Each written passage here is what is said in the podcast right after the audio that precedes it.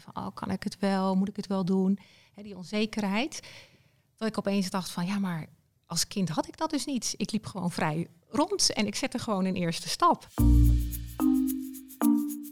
Welkom bij Eva's podcast Vrij om te leiden. Luister jij graag naar deze podcast? Join onze community en betaal slechts 25 euro voor een jaarabonnement op het Eva magazine. Ga naar eva.eo.nl slash abonnee.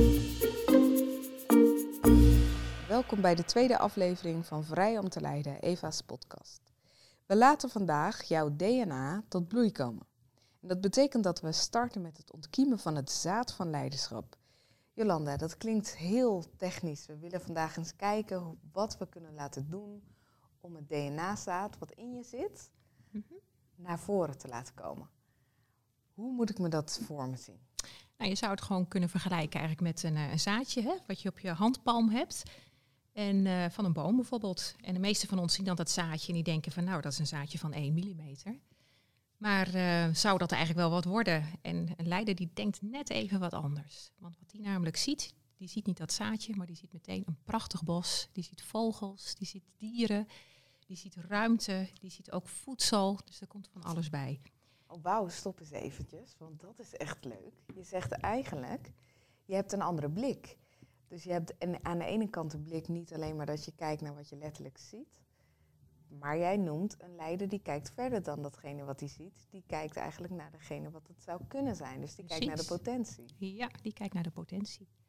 En die omarmt dat eigenlijk ook voor zichzelf. En dat is zo mooi, dat je denkt van... hé, hey, God heeft ergens iets gegeven, het ligt op mijn handpalm. Ja? Maar ik geloof er ook in dat het mooier en ook groter mag worden dan ik misschien zelf denk. Dus je, je geloven is een sleutelwoord dan? Geloven, maar ook inspiratie, denk ik. Dat je denkt van, wauw, ik ben benieuwd. Verwondering hoort daar Ja. ook bij. Ja. Verwondering om het te bekijken en om het te zien. Hmm, Heb je daar eh, een voorbeeld van, Sarah? Als je denkt, eh oh, dat is mij overkomen. Ik heb iets op mijn handen gekregen en ik heb verder gekeken.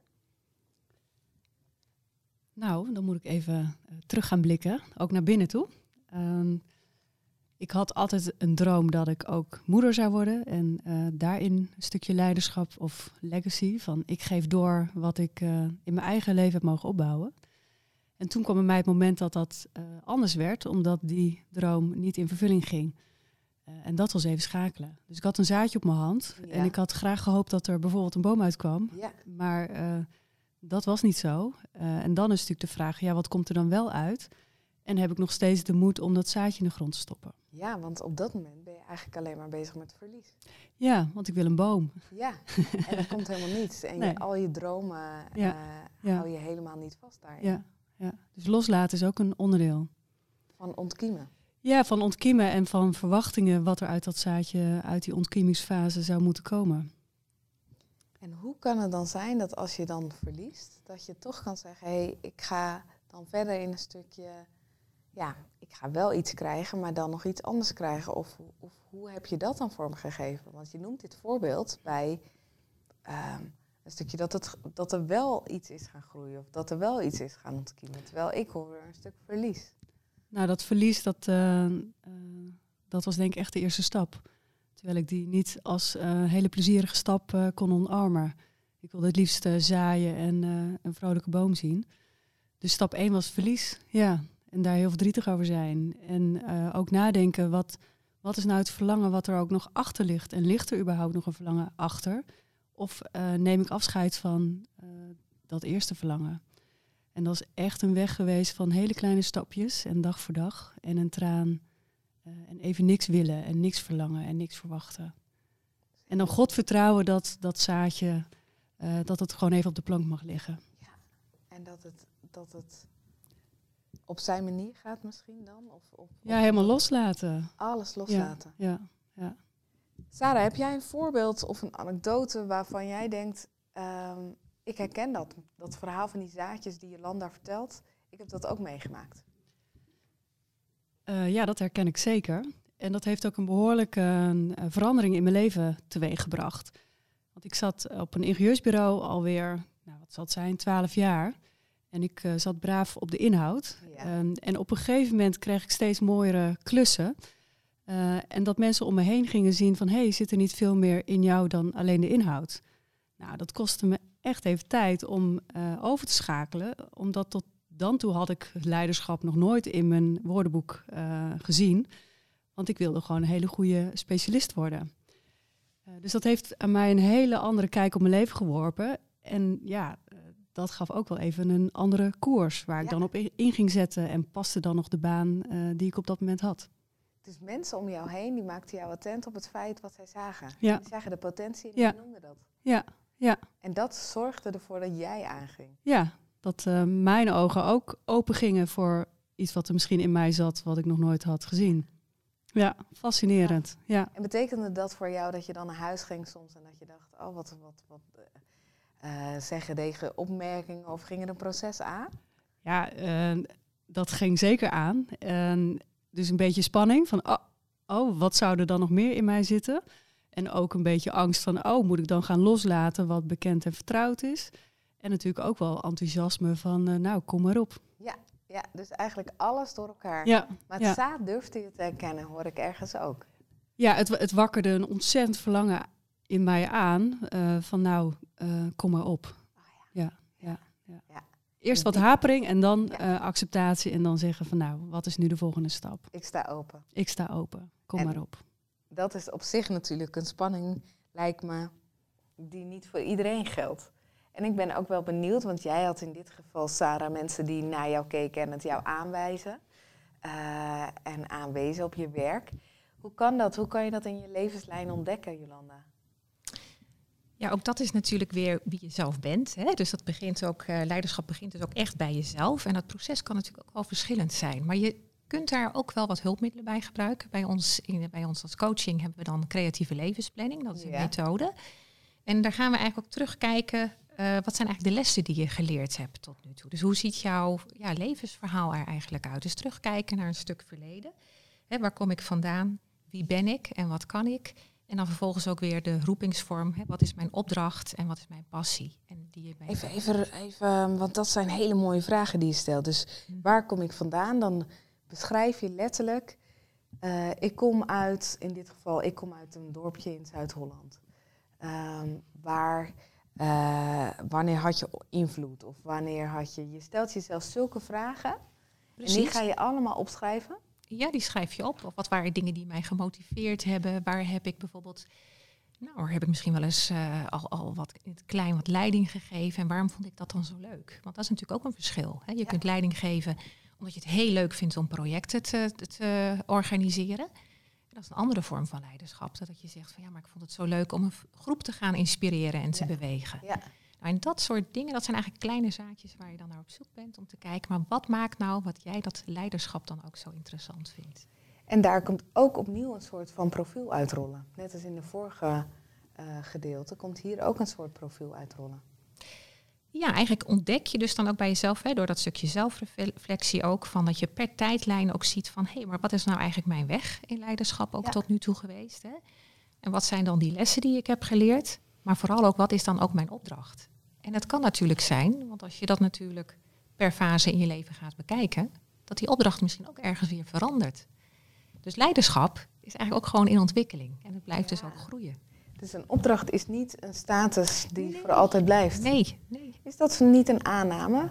Dat we vaak hangen in een opdracht die ons lang eh, geleden of kort geleden is toebedeeld?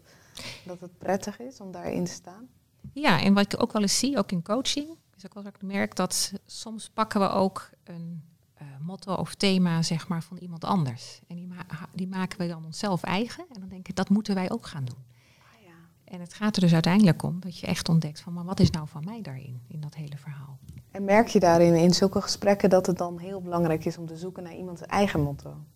Ja, dat is dus eigenlijk het meest belangrijke. Want als je dat dus niet weet, dan kom je eigenlijk ook niet op jouw weg, zou je kunnen zeggen. En ook het weg Ja. die voor jou weggelegd is. Dus de creatieve levensplanning helpt je bij het vinden van je eigen motto. Ja, zeker.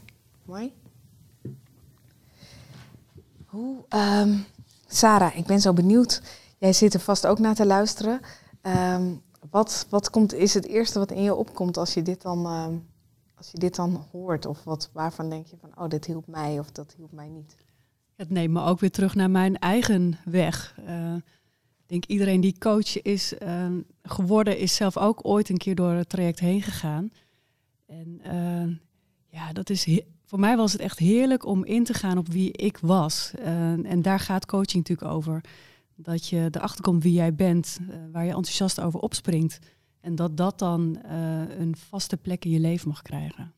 Dus wie je bent en waar je enthousiast over opspringt. Ja. Dus je hoogtepunten. Ja, ja, maar ook je crisissen en hoe je daarin, uh, wat je daarin hebt gebruikt en waardoor je het hebt volgehouden. Dat zijn zulke belangrijke levenslessen die in het leven zitten. En die we uh, sneller geneigd zijn om te vergeten. Maar als moment de crisis je weer overvalt, is het natuurlijk heel belangrijk dat je weet waar je op kan terugvallen. Ja, ja. Omdat je dan ergens geleerd kan hebben van het verleden, of in ieder geval wat je nog verder in de teleurstelling kan brengen. Uh, ja, dat je, dat je alles weet te benutten ten goede. Ja. En daar helpt God je natuurlijk ook uh, hartstikke mee. Dat je niet stopt van, oh, het is een teleurstelling, uh, doodlopende weg, ik, ik leg het beltje erbij neer. Maar dat er in elk moment een straal van hoop te ontdekken is. En dat je daarin ook van jezelf weet wat jouw sterktepunten zijn waar je op kan terugvallen. Ja, en dat je daarmee leert van hetgene wat je al hebt meegemaakt in je eigen ervaringen. Ja, zeker. Jolanda, ik ben ook nog eventjes benieuwd. Jij bent leider nu. Mm -hmm. heb je dat al heel vroeg meegekregen? Of heb je een herinnering van vroeger waarvan je denkt, oh ja, dat, daar zat het al een klein beetje in? Nou, misschien wel. Ik was tien maanden. Ja. En toen, uh, toen kon ik dus al lopen. En dat, was... en dat is wel heel grappig. Want uh, er is dus een foto van mij met uh, nou, zulke krullen als jij hebt, Minella. Ja. Maar dan helemaal blond. Dan loop ik op babyzokjes. gewoon vrij de wereld in. Echt. En het grappige is dus eigenlijk wel dat ik dat toen ik dat beeld weer terugzag, dat ik ook merkte van, nou, ik, ik, uh, je bent ook in een fase van ontwikkeling en soms denk je van, oh, kan ik het wel, moet ik het wel doen? Die onzekerheid.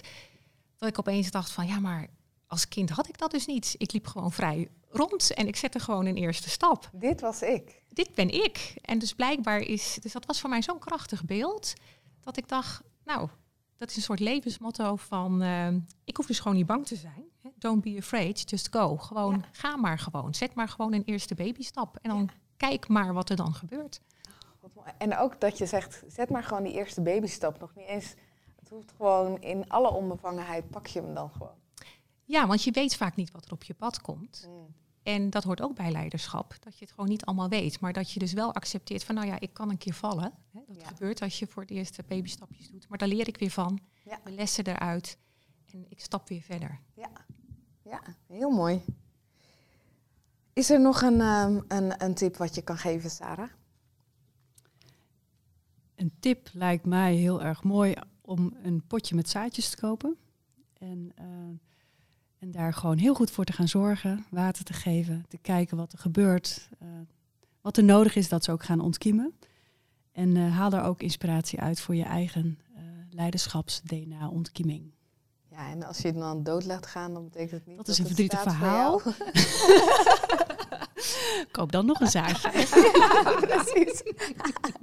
ik met mijn groene vingers zou allemaal dode plantjes hebben. Maar dat is fijn. Als jij geen groene vingers hebt, dan is er hoop. Dan gaan we een ander plan verzinnen. Ja.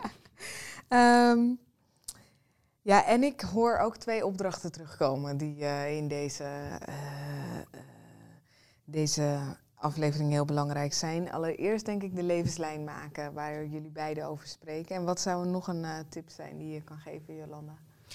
ja, het is misschien wel mooi om dan ook als je toch met die levenslijn bezig bent, ook per periode eens te gaan kijken van, hey, heb ik een foto waarvan ik denk van, hey, dat is een heel positief beeld. Een soort anker van hoop, waarvan je zegt van, nou, en dat ga ik eens een motto bij bedenken. En uh, van daaruit wil ik ook op die manier de toekomst in gaan kijken.